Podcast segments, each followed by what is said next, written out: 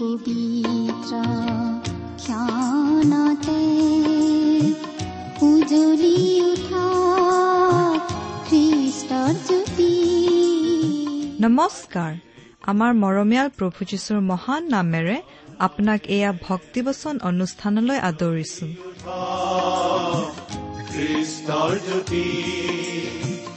আকাশ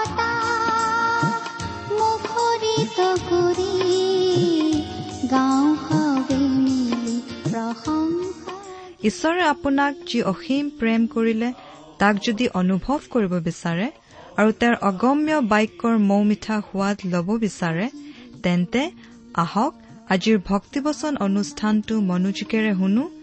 এয়া আপোনালৈ আগবঢ়াইছো ঈশ্বৰৰ জীৱন্ত বাক্যৰ অনুষ্ঠান ভক্তিবচন।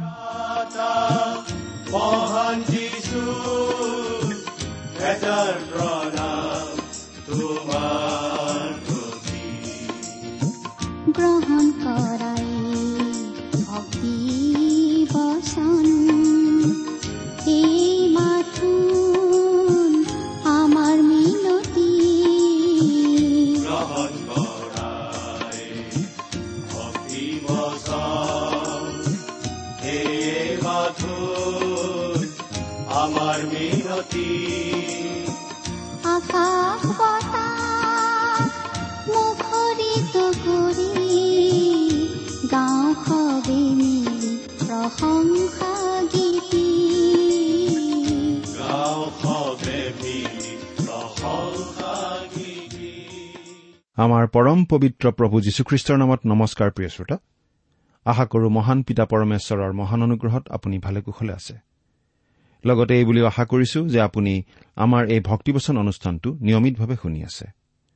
প্ৰিয় শ্ৰোতা আমি আমাৰ চিনাকি লোকসকল আমি ভালপোৱা লোকসকল সদায় ভালে কুশলে থকাটো নিবিচাৰোনে বাৰু।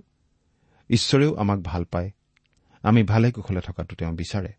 আৰু সেইবাবেই তেওঁ আমাক উদ্ধাৰ কৰিবলৈ তেওঁৰ একেজাত পুত্ৰ যীশুখ্ৰীষ্টকেই আমালৈ দান কৰিলে। আমিও আমাৰ শ্ৰোতাসকল ভালে কুশলে থকা বুলি জানিলে ভাল পাওঁ। তেওঁলোকৰ কুশল বাতৰি আমি শুনিব বিচাৰো আৰু সেইবাবেই আমি শ্ৰোতাসকলৰ পৰা চিঠি পত্ৰ পাবলৈ আশা কৰো। আপুনি বাৰু আমালৈ চিঠি পত্ৰ লিখি থাকেনে? অনুগ্ৰহ কৰি আজি এই দুখাৰিমান লিখি পঠিয়াওকচোন। আমাৰ ঠিকনা? ভক্তিবচন টি ডব্লিউ আৰ ইণ্ডিয়া ডাক বাকচ নম্বৰ সাত শূন্য গুৱাহাটী সাত আঠ এক শূন্য শূন্য এক। ভক্তিবচন T W R India post box number seventy Guwahati seven eight one zero' zero' one. আমাৰ website W W W dot radio' eight eight two dot com প্ৰিয় শ্ৰোতা আপুনি বাৰু আমাৰ এই ভক্তিবচন অনুষ্ঠানটো নিয়মিতভাৱে শুনি আছেনে? যদিহে শুনি আছে তেনেহলে আপোনাৰ নিশ্চয় মনত আছে যে আমি আমাৰ আগৰটো অনুষ্ঠানত বাইবেলৰ এখন পুস্তকৰ অধ্যয়নৰ সামৰণি মাৰিছিলো। গতিকে আপুনি এই কথাটো নিশ্চয় অনুমান কৰিছে যে আজিৰে পৰা আমি বাইবেলৰ আন এখন পুস্তক অধ্যয়নৰ বাবে হাতত ল'ম। আজিৰে পৰা আমি যিখন পুস্তক অধ্যয়ন কৰিবলৈ ওলাইছো সেই পুস্তকখন হৈছে বাইবেলৰ পুৰণি নিয়ম খণ্ডৰ উবদীয়া ভাৱবাদীৰ পুস্তক। উবদীয়া ভাৱবাদীৰ পুস্তক। আমি চমুকৈ মাজে মাজে উবদীয়া বুলিয়েই ক'ম। কিন্তু আজিৰ বাইবেল অধ্যয়ন আৰম্ভ কৰাৰ আগতে আহকচোন। সদায় কৰি অহাৰ নিচিনাকৈ আজিও আমি আমাৰ পৰম পিতা পৰমেশ্বৰৰ ওচৰত প্ৰাৰ্থনা কৰোঁ। তেওঁৰ সহায় পৰিচালনা আৰু আশীৰ্বাদ ভিক্ষা কৰি আহক আমি প্ৰাৰ্থনাত মৌনত কৰোঁ হওক সৰগ নিবাসী হে সৰ্বশক্তিমান ঈশ্বৰ আপোনাৰ নামৰ আমি বন্দনা কৰিছো। আপোনাৰ নাম পূজ্য হওক। আমি আপোনাৰ পূজাৰী। আমাৰ পূজা পাবৰ আপুনিয়েই একমাত্ৰ যোগ্য ঈশ্বৰ। আপোনাৰ গৌৰৱ হওক প্ৰশংসা হওক আপোনাৰ মান আৰু মৰ্যাদা হওক। আমি অতি দুৰ্বল হে প্ৰভু। ধন্যবাদ প্ৰভু। যে যীশুখ্ৰীষ্টত আপুনি আপোনাত আশ্ৰয় লোৱা দুৰ্বল মনুষ্যক পৰিত্ৰাণ দান কৰে। আপোনাক ধন্যবাদ জনাওঁ আপোনাৰ পবিত্ৰ আৰু জীৱনদায়ক বচনৰ বাবে। আপোনাৰ এই বচনৰ আজিৰ অনুষ্ঠানতো আপুনি আপোনাৰ আশীৰ্বাদ ৰাখক হে ঈশ্বৰ। ইয়াৰ যোগেদি অনেক আগ্ৰহী শ্ৰোতাৰ জীৱন আপুনি ধন্য কৰক। পৰিত্ৰাতা প্ৰভু যীশুৰ নামেৰে এই প্ৰাৰ্থনা আগবঢ়াইছো। আমেন।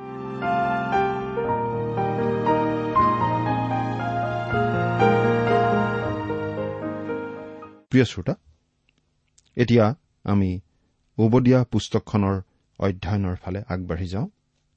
আজিৰ এই আৰম্ভণি অধ্যয়নত আমি চাবলৈ ওলাইছো উবদীয়া ভাৱবাদীগৰাকীৰ কিছু গুৰি কথা।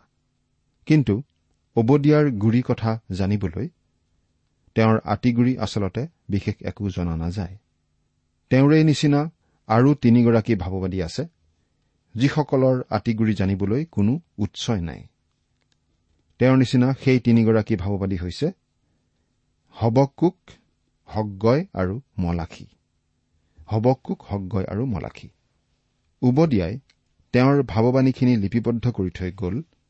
কেৱল সিমানখিনি কথাই তেওঁৰ ক্ষেত্ৰত জনা যায়। তাৰ বাহিৰে তেওঁৰ অধিক কথা জনাৰ একো উপায় আমাৰ হাতত নাই।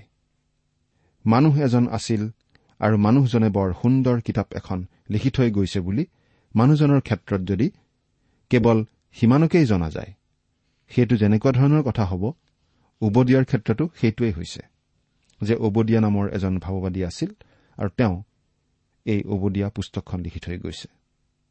সদায় জানিবলৈ ইচ্ছা কৰা মানুহৰ অনুসন্ধিৎসু মনটোৱে তেওঁৰ বিষয়ে অনুসন্ধান কৰি কিবা জানিবলৈ তেওঁ একো উপায় এৰি থৈ যোৱা নাই। প্ৰিয় শ্ৰোতা উবদিয়া হবকুক হগগয় আৰু মলাখী মহাশয়সকলৰ সেই বিষয়টোৱেই আপোনালোকৰ এই অযোগ্য দাসৰ বাবে এটা বৰ আকৰ্ষণীয় আৰু মহৎ বাণী। তেওঁলোকে ঈশ্বৰৰ দাসস্বৰূপে ঈশ্বৰৰ বচন আৰু নিজৰ নিজৰ কাম এৰি থৈ গৈছে। তেওঁলোকৰ পৰিচয় কিন্তু এৰি থৈ যোৱা নাই। উবদিয়া এই নামৰ অৰ্থটো কিন্তু সুন্দৰ। আৰু নামটো মাত্ৰ নাম নহয়। তেওঁৰ নাম আছিল যেনে তেওঁৰ কামো আছিল তেনে। তেওঁৰ নামৰ অৰ্থটো হৈছে জিহুৱাৰ দাস। আক্ষৰিক অৰ্থতেই তেওঁ জিহুৱাৰ দাস আছিল। কিন্তু আমি হলে এজন মানুহ লগ পাইছিলো। মানুহজনৰ নাম আছিল আনন্দ। কিন্তু লাভ নাই। তেওঁ সদায় পকা ৰঙালাওটোৰ চেহেৰা এটা লৈ থাকে। মহিলা এগৰাকীও লগ পাইছিলো। নাম আছিল তেওঁৰ শান্তি। কিন্তু আমি সেই নামতো ঠগ খালো। মানুহজনীক লগ পাই দেখিলো। ফুট গধূলিতে ওলোৱা ফেঁচা এজনীৰ নিচিনা। শান্তি আৰু কি আশা কৰিব? চেহেৰা দেখিয়েই ফুটিলো। কিন্তু উবদিয়াৰ ক্ষেত্ৰত সেইটো নাছিল। উবদিয়া মানে জিহুৱাৰ দাস। আৰু নামৰ দৰেই জীৱন আচৰণ আৰু কামো আছিল। আমাৰ মাজত নিশ্চয় এনে মানুহৰ অভাৱ নহব যিসকলে জীৱন আচৰণ আৰু কৰ্মেৰে নহয় কিন্তু কথাৰ ফুলজাৰি মাৰি মাৰি মানুহক প্ৰত্যয় নিয়াব খোজে যে তেওঁলোক ঈশ্বৰৰ দাস। তেনে কৰিবলৈ যোৱাত পৰিতাপৰ কথাটো হ'ল যে তেওঁলোকে সঁচা কথাৰ লগতে কিছুমান মিছা কথাও লগ লগায়। তেনে এগৰাকী লোকে এবাৰ তেখেতৰ দাখিল কৰিবলগীয়া বিৱৰণীত লিখিছিল যে তেখেতে অমুক মাহৰ অমুক অমুক তাৰিখেও অমুকটো কাম তমুকটো কাম কৰিছিল। আচলতে সেই মাহৰ সেইকেইটা তাৰিখ থাকিবই নোৱাৰে। তেওঁৰ বিৱৰণী শুনা মানুহবিলাকে ঘৰ ঘৰাই হাঁহিছিল আৰু সেইদৰেই জুলুঙাৰ মেকুৰী ওলাই পৰিছিল। কিন্তু আমি আওৰাবলগীয়া যি পাঠ উবদিয়াই এৰি থৈ গৈছে সেয়া হৈছে যে জীৱন আচৰণ আৰু কামৰ দ্বাৰাইহে আমি যে ঈশ্বৰৰ দাস হওঁ তাৰ পৰিচয় এৰি যাব লাগে। এগৰাকী বিখ্যাত বাইবেল পণ্ডিতে উবদিয়াৰ ক্ষেত্ৰত এটা সুন্দৰ মন্তব্য কৰিছে এনেদৰে। জগতে যেন উবদিয়াৰ কেৱল নামটো আৰু তেওঁৰ সংক্ষিপ্ত ভাৱবাণীখিনি জানে তাকেই ঈশ্বৰে ইচ্ছা কৰিলে। উবদীয়া ভাৱবাদীৰ পুস্তকখন সৰু হলেও এইখনো এটা মহা শক্তিশালী পাৰমাণৱিক বোমাৰ এপদ আম্মিক অস্ত্ৰ। পুস্তকখনৰ কলে বৰ সৰু কিন্তু বাণীখিনি বৰ প্ৰয়োজনীয় আৰু গুৰুত্বপূৰ্ণ মহৎ বাণী। উবদিয়াই নিজৰ পৰিচয়টো দি নগলেই আনকি তেওঁ সময়ৰ বিষয়েও একো সংকেত এৰি যোৱা নাই। সেয়েহে তেওঁ কোন সময়ৰ বা কাৰ সময়ৰ ভাৱবাদী আছিল সেইটো ধৰাটো টান। কিছুমান বাইবেল পণ্ডিতে আঠশ অষ্টাশী খ্ৰীষ্টপূৰ্বৰ সময়ছোৱাতেই উবদিয়াই ভাৱবাণী প্ৰচাৰ কৰিছিল বুলি ভাবে যি সময়ছোৱাত জিহুৰাম আৰু ৰক্তপিপাসু আঠালিয়াই ৰাজত্ব কৰিছিল। দ্বিতীয় ৰাজাৱলী আঠ নম্বৰ অধ্যায়ৰ ষোল্ল নম্বৰ পদৰ পৰা ছাব্বিছ নম্বৰ পদত পোৱা যায় এওঁলোকৰ বিষয়ে। আনহাতে এজন বাইবেল পণ্ডিতে। দ্বিতীয় বংশাৱলীৰ সোতৰ নম্বৰ অধ্যায়ৰ সাত নম্বৰ পদত কেইবাগৰাকী প্ৰধান লোকৰ মাজত উবদিয়া বোলা নামটোৰো উল্লেখ থকা দেখি উবদিয়াই যীহুচাফত ৰজাৰ ৰাজত্বৰ কালতেই ভাৱবাণী প্ৰচাৰ কৰিছিল বুলি ক'ব খোজে। কিন্তু ইয়াত উল্লেখ কৰা উবদিয়াজনেই যে ভাৱবাদী উবদীয়া হ'ব সেইটো খাটাংকৈ ক'ব নোৱাৰি। কাৰণ সেই সময়ত উবদীয়া নামটো বৰ সাধাৰণ আৰু সমাজত ভাল পোৱা বহুলভাৱে প্ৰচলিত নাম আছিল। আন এজন বিখ্যাত বাইবেল পণ্ডিতে উবদিয়াৰ ভাৱবাণীৰ সময়ছোৱা পাঁচশ সাতাশী খ্ৰীষ্টপূৰ্ব বুলি ক'ব খোজে আৰু তাৰ সমৰ্থনত আন এজন পণ্ডিতেও এই বুলি কয় যে সেই সময়ছোৱাৰে উবদিয়া আছিল জিৰিমীয়া ভাৱবাদীৰ সমসাময়িক ভাৱবাদী উবদীয়া পুস্তকখনৰ গোটেই ৰহস্যখিনি পুস্তকখনৰ এঘাৰ নম্বৰ পদত পুঞ্জীভূত হৈ থকা যেন লাগে য'ত এই বুলি কোৱা হৈছে তুমি আঁতৰ হৈ থকা দিনা বিদেশীবোৰে তাৰ ধন সম্পত্তি লৈ যোৱা দিনা আৰু পৰজাতিবোৰে তাৰ দুৱাৰত সোমাই জিৰচালেমৰ নিমিত্তে চিঠি খেলোৱা দিনা আনকি তুমিও সিহঁতৰ মাজৰ এজন আছিলা। এই পদটোত কোৱাৰ নিচিনাকৈ ঘটনাখিনি ঘটাৰ পূৰ্বে এইখিনি হয়তো ভাৱবাণীৰ দৰে কোৱা হৈছিল। নাইবা ঘটনাখিনি ঘটি যোৱাৰ পাছত ঘটি যোৱা ঘটনাৰ বিৱৰণ লিখাৰ দৰেও হয়তো বিৱৰণখিনি কোৱা হৈছিল। বহুতে মত পোষণ কৰাৰ দৰে বাবিলে আক্ৰমণ কৰি দেশান্তৰলৈ বন্দী কৰি লৈ যোৱা কালচোৱাত আৰু জিৰিমীয়া ভাৱবাদীয়ে প্ৰচাৰ কৰি থকা কালচোৱাৰ এয়া হয়তো এটা ইতিহাসমূলক বিৱৰণ আছিল। আৰু সেয়ে যদি হয় ইয়াক ভাৱবাণী বুলি কোৱাতকৈ ইতিহাসমূলক বিৱৰণ বুলিহে ক'ব লাগিব। যদি সেই বুলিয়েই গ্ৰহণ কৰা হয় তেন্তে ঘটনাখিনিৰ সময়খিনিও পাঁচশ সাতাশী খ্ৰীষ্টপূৰ্ব বুলিয়েই আমি ক'ব লাগিব। যদি উবদিয়াৰ বাণীখিনি ভাৱবাণীৰূপে গণ্য কৰা হয়। তেন্তে এই ভাৱবাণী আছিল ইডুম নামৰ সৰু ৰাজ্য এখনৰ বিৰুদ্ধে। ইয়াৰ ছয় নম্বৰ পদটোৱেই মূল পদ। এচৌৰ সম্পত্তি কেনেকৈ বিচাৰি উলিওৱা হ'ল? তাৰ গুপ্ত ধনবোৰ কেনেকৈ অনুসন্ধান কৰি নিয়া হ'ল? এই বিষয়ে আমি এই ছয় নম্বৰ পদটো আলোচনা কৰোঁতেই চাম। বাইবেলৰ পুৰণি নিয়মত উবদীয়া পুস্তকখনেই আটাইতকৈ চুটি পুস্তক। কেৱল একৈশটা পদ ইয়াত আছে। কিছুমান লোকে ভাবে যে উবদীয়া পুস্তকখন বাইবেলত নাথাকিলেও মানুহে বাইবেলৰ বাণীৰ একো বাণী নোপোৱাকৈ নাথাকিলেহেঁতেন। আন কথাত উবদিয়াত থকা সকলোবিলাক বাণী আন পুস্তকবিলাকতে আছে বুলি তেওঁলোকে কয়। কিন্তু ইয়াৰ বাণীখিনি যিটো সাহসিকতাৰে দিয়া হৈছে সেয়া কোনোমতেই ওলাই কৰিব পৰা বা তাৎপৰ্যহীন কথা নহয়। এই পুস্তকত থকা বাণীখিনি স্পষ্ট আৰু ব্যৱহাৰিক জীৱনৰ বাণী। আজিৰ দিনৰ নিমিত্তেও অতিকৈ খাপ খোৱা বাণী। গৌণ বা সৰু ভাৱবাদীসকলৰ মাজৰ কোনোজনেই সুপ্ত আগ্নেয়গিৰিৰ নিচিনা নহয় বৰং প্ৰত্যেকেই অতি স্পষ্ট আৰু সক্ৰিয় কামৰ আদৰ্শ ব্যক্তি। তেওঁলোকৰ মাজৰ এজনো চৌকাত পৰি চেঁচা আৰু কলা এঙাৰৰ নিচিনা নহয় বৰং প্ৰত্যেকজনেই গজগজীয়া হৈ থকা ৰঙা অঙঠাটোৰ নিচিনা। এখন সৰু ৰাজ্য ইডুমৰ বিৰুদ্ধে উবদিয়াৰ ভাৱবাণী বৰ বিস্ফোৰণমুখী ভাৱবাণী।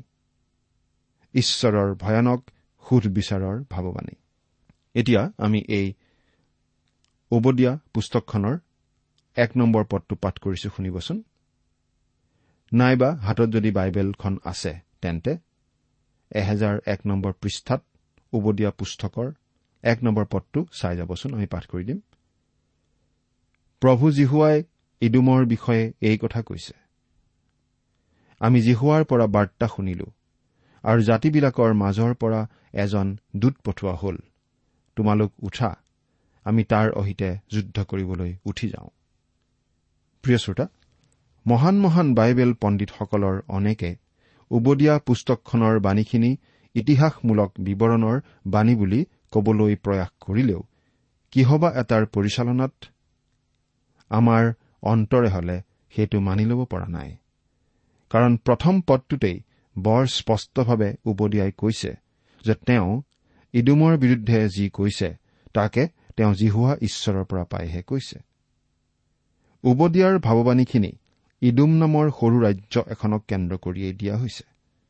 আন কথাত ইডুম বোলা বিষয়বস্তুটোৱেই হৈছে উবদীয়া পুস্তকৰ বিষয়বস্তু। গতিকে ইডুমৰ পৰিচয় নিশ্চিত কৰিবলৈ হলে আমি বাইবেলৰ পুৰণি নিয়মৰ প্ৰথম পুস্তক অৰ্থাৎ আদি পুস্তকলৈ উভতি যাব লাগিব। আদি পুস্তকত য'ত এছৌৰ বংশাৱলী আছে তাত এই বুলি কোৱা হৈছে। এছৌ যাক ইডুমো বোলে তেওঁৰ বিৱৰণ এই। আদি পুস্তক ছয়ত্ৰিশ নম্বৰ অধ্যায়ৰ এক নম্বৰ পদ। তাৰ পাছতেই আদি পুস্তকৰ এই একে অধ্যায়ৰে আঠ আৰু ন নম্বৰ পদতো পুনৰাই ইডুমৰ নামটো দোহৰা হৈছে। আদি পুস্তক পুস্তকখন লিখোতে মুচিয়ে নাজানিলেও পবিত্ৰ আত্মাই জানিছিল আৰু সেইকাৰণেই মুচিক পৰিচালনা দি এই বুলি লিখুৱাইছিল যে এছৌৱেই ইডুম আৰু ইডুমেই এছৌ। ইডুমীয়াসকল এছৌৰ আৰু ইছৰাইলীয় লোকসকল জাকুবৰ বংশধৰ। প্ৰিয় শ্ৰোতা আপোনালোকে এই কথা জানে যে এছৌ আৰু জাকুব আছিল ইছহাকৰ ঔৰসত ৰেবেকাৰ পৰা জন্ম লাভ কৰা এহাল যজা সন্তান। সন্তান দুটা যজা হলেও দুয়ো একেধৰণৰ নাছিল। তেওঁলোকৰ জন্মবৃত্তান্ত আমি আদি পুস্তক পঁচিছ নম্বৰ অধ্যায়ত পঢ়িবলৈ পাওঁ। মাতৃৰ গৰ্ভৰ পৰাই এই যজা সন্তানহালৰ সংগ্ৰাম চলি আহিছিল। মাতৃৰ গৰ্ভতেই তেওঁলোকে বগৰা বগৰী লাগি আছিল। তাকে জানি মাতৃ ৰেবেকাই মনত দুখ পাই কৈছিল যদি এইদৰেহে হয় তেন্তে মই কিয় জীয়াই আছো? এইবুলি তেওঁ জিহুৱাক সুধিবলৈ গ'ল। তেতিয়া জিহুৱাই তেওঁক কলে তোমাৰ গৰ্ভত দুই জাতি আছে আৰু তোমাৰ উদৰৰ পৰা দুই জাতি বাহিৰ হৈ বেলেগ হ'ব। এক জাতি আন জাতিতকৈ পৰাক্ৰমী হ'ব আৰু বৰটো সৰুটোৰ বন্দী হ'ব। আদি পুস্তক পঁচিছ নম্বৰ অধ্যায়ৰ বাইছ আৰু তেইছ নম্বৰ পদ। জন্মৰ পাছতো দুয়োজন সম্পূৰ্ণ বেলেগ প্ৰকৃতি বেলেগ চৰিত্ৰ আৰু বেলেগ ৰুচিৰ পুৰুষ হৈছিল। এছৌ বৰ নোমাল মানুহ আছিল আৰু নোমাল দেখিয়েই এছৌ নামটো পাইছিল কাৰণ এছৌ মানেই নোমাল। অকল নোমালেই নাছিল তেওঁৰ ৰঙো আছিল ৰঙা। আজিকালিৰ মাকে ৰঙা আৰু নোমাল সন্তান জন্ম দিবলগীয়া হলে নিজৰ সন্তানলৈকে টেলেকা টেলেকি চকুৰে নাচাবনে বাৰু? নোমাল মানুহজনে ঘৰতো থাকি সুখ নাপাইছিল। কেৱল জংগল আৰু জংগল। নিজৰে নিচিনা নোমাল জীৱ জন্তুবোৰেই আছিল তেওঁৰ আকৰ্ষণ। অকল নোমাল জীৱ জন্তুবোৰেই আকৰ্ষণ নাছিল নিজৰে নিচিনা ৰঙা জাকুবৰ দাইলৰ তৰকাৰীখিনিও তেওঁক বৰ আকৰ্ষণ কৰিছিল। সেয়ে এবাটি মচুৰ দাইল তৰকাৰীৰ বিনিময়তেই তেওঁ নিজৰ জ্যেষ্ঠাধিকাৰ বিক্ৰী কৰিছিল। শ্ৰোতাসকলে এই ঘটনাখিনি আদি পুস্তক পঁচিছ নম্বৰ অধ্যায়ৰ ত্ৰিশ নম্বৰ পদৰ পৰা চৌত্ৰিশ নম্বৰ পদত পঢ়িব। প্ৰিয় শ্ৰোতা আৰম্ভণিৰে পৰাই মন কৰিলে আপোনালোকে দেখা পাব যে এছৌ বা ইডুমে মাংসিকতা আৰু জাকুবে আধ্যামিকতাৰ প্ৰতিনিধিত্ব কৰি আহিছে। তেওঁ যে ভোকত মৰি যাবলৈ ওলাইছিল নাইবা তেওঁৰ বাপেকৰ ঘৰত যে মচুৰ দাইলৰ ৰঙা এবাটি তৰকাৰীও নাছিল বুলিয়েই তেওঁ জ্যেষ্ঠাধিকাৰ বিক্ৰী কৰা নাছিল। তেওঁ জ্যেষ্ঠাধিকাৰ বিক্ৰী কৰিছিল তেওঁৰ মাংসিক ইচ্ছা মাংসিক ক্ষুধা আৰু তৃষ্ণাৰ বাবে। তেওঁ সৰুৰে পৰাই স্বভাৱে চৰিত্ৰই কথাই কামে মাংসিকতাৰ ইচ্ছাকেই প্ৰকাশ কৰি আহিছে। মাংসিকতাৰে প্ৰতিনিধিত্ব কৰি আহিছে। মুঠ কথাত কবলৈ গ'লে তেওঁ ঈশ্বৰে সৈতে সম্বন্ধ একেবাৰে ছিঙি পেলাইছিল। তেওঁ আচলতে এই বুলিহে কৈছিল ঈশ্বৰে সৈতে সম্বন্ধ ৰখাতকৈ মই বৰং এবাটি মচুৰ দাইলৰ তৰকাৰী পাবলৈ ইচ্ছা কৰো। প্ৰিয় শ্ৰোতা এয়া আচলতে খ্ৰীষ্টীয় লোকৰো ছবি। এগৰাকী খ্ৰীষ্টীয় বিশ্বাসকাৰীৰো দুটা প্ৰকৃতি থাকে। দুটা প্ৰকৃতিৰ মাজত সদায় যুঁজবাগৰ চলি থাকে। তাকেই পাচনি পৌলে গালাটীয়া পাঁচ নম্বৰ অধ্যায়ৰ সোতৰ পদত এইদৰে কৈছে কিয়নো মাংসই আত্মাৰ বিৰুদ্ধে আৰু আত্মাই মাংসৰ বিৰুদ্ধে অভিলাষ কৰে। কাৰণ তোমালোকে যি কৰিবলৈ ইচ্ছা কৰা তাক যাতে তোমালোকে নকৰিবা তাৰ কাৰণে এই দুয়ো পৰস্পৰ বিৰুদ্ধা বিৰুদ্ধী এগৰাকী বিশ্বাসকাৰীৰ এই দুটা প্ৰকৃতি পুৰণি প্ৰকৃতি আৰু নতুন প্ৰকৃতি বা মাংসিক প্ৰকৃতি বা আম্মিক প্ৰকৃতি। এছৌ হৈছে মাংসিক বা পুৰণি প্ৰকৃতিৰ ছবি আৰু জাকুব হৈছে আম্মিক বা নতুন প্ৰকৃতিৰ ছবি। প্ৰিয় শ্ৰোতা পুৰণি নিয়মৰ প্ৰথম পুস্তক আদি পুস্তকত আমি এছৌক দেখিলো মাংসিক মানুহৰূপে। এতিয়া পুৰণি নিয়মৰ শেষ পুস্তক মলাখিত চাওঁ সেইজন এছৌ বা ইডুমৰ বিষয়ে ঈশ্বৰে কি কৈছে?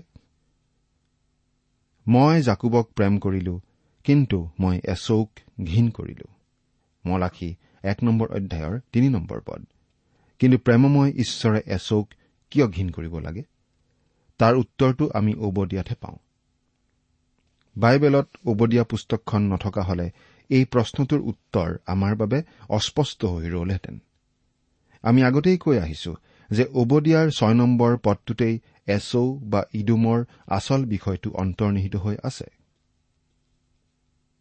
অৱশ্যে এই ছয় নম্বৰ পদৰ আমাৰ ভাষাৰ এই অনুবাদটো খুব শুদ্ধ বা স্পষ্ট হোৱা যেন আমাৰ নালাগে। ইয়াত ধন সম্পত্তিৰ কথাটো আন ভাষাৰ অনুবাদত নাই।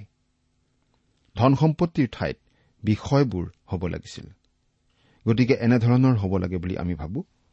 এছৌৰ বিষয়সমূহ কেনেকৈ বিচাৰি উলিওৱা হ'ল? তেওঁৰ গোপনীয় বিষয়সমূহ কেনেকৈ বিচাৰি পোৱা গ'ল?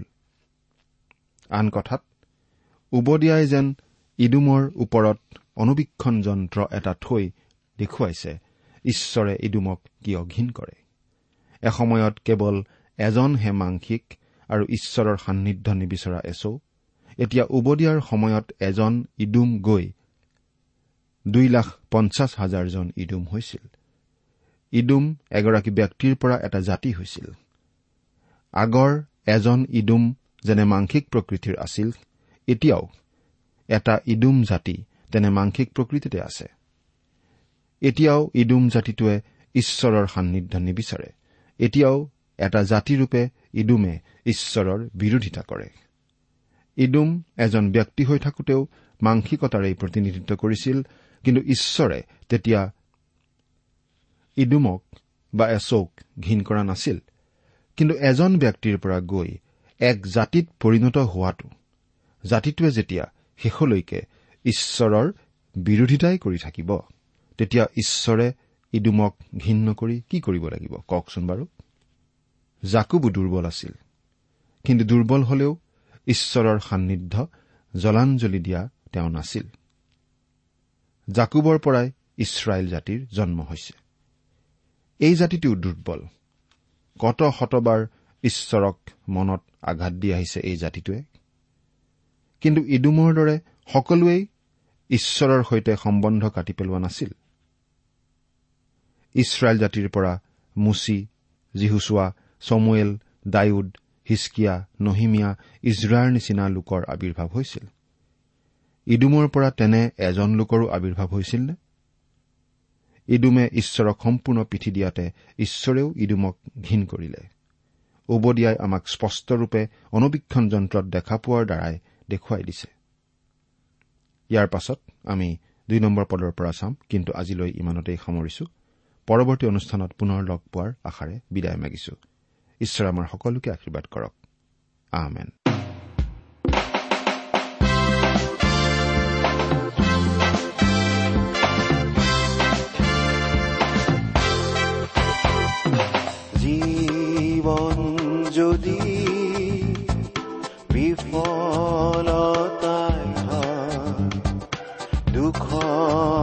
যদি পাৰা পাৰ নাই তোমাৰ সেই দুখ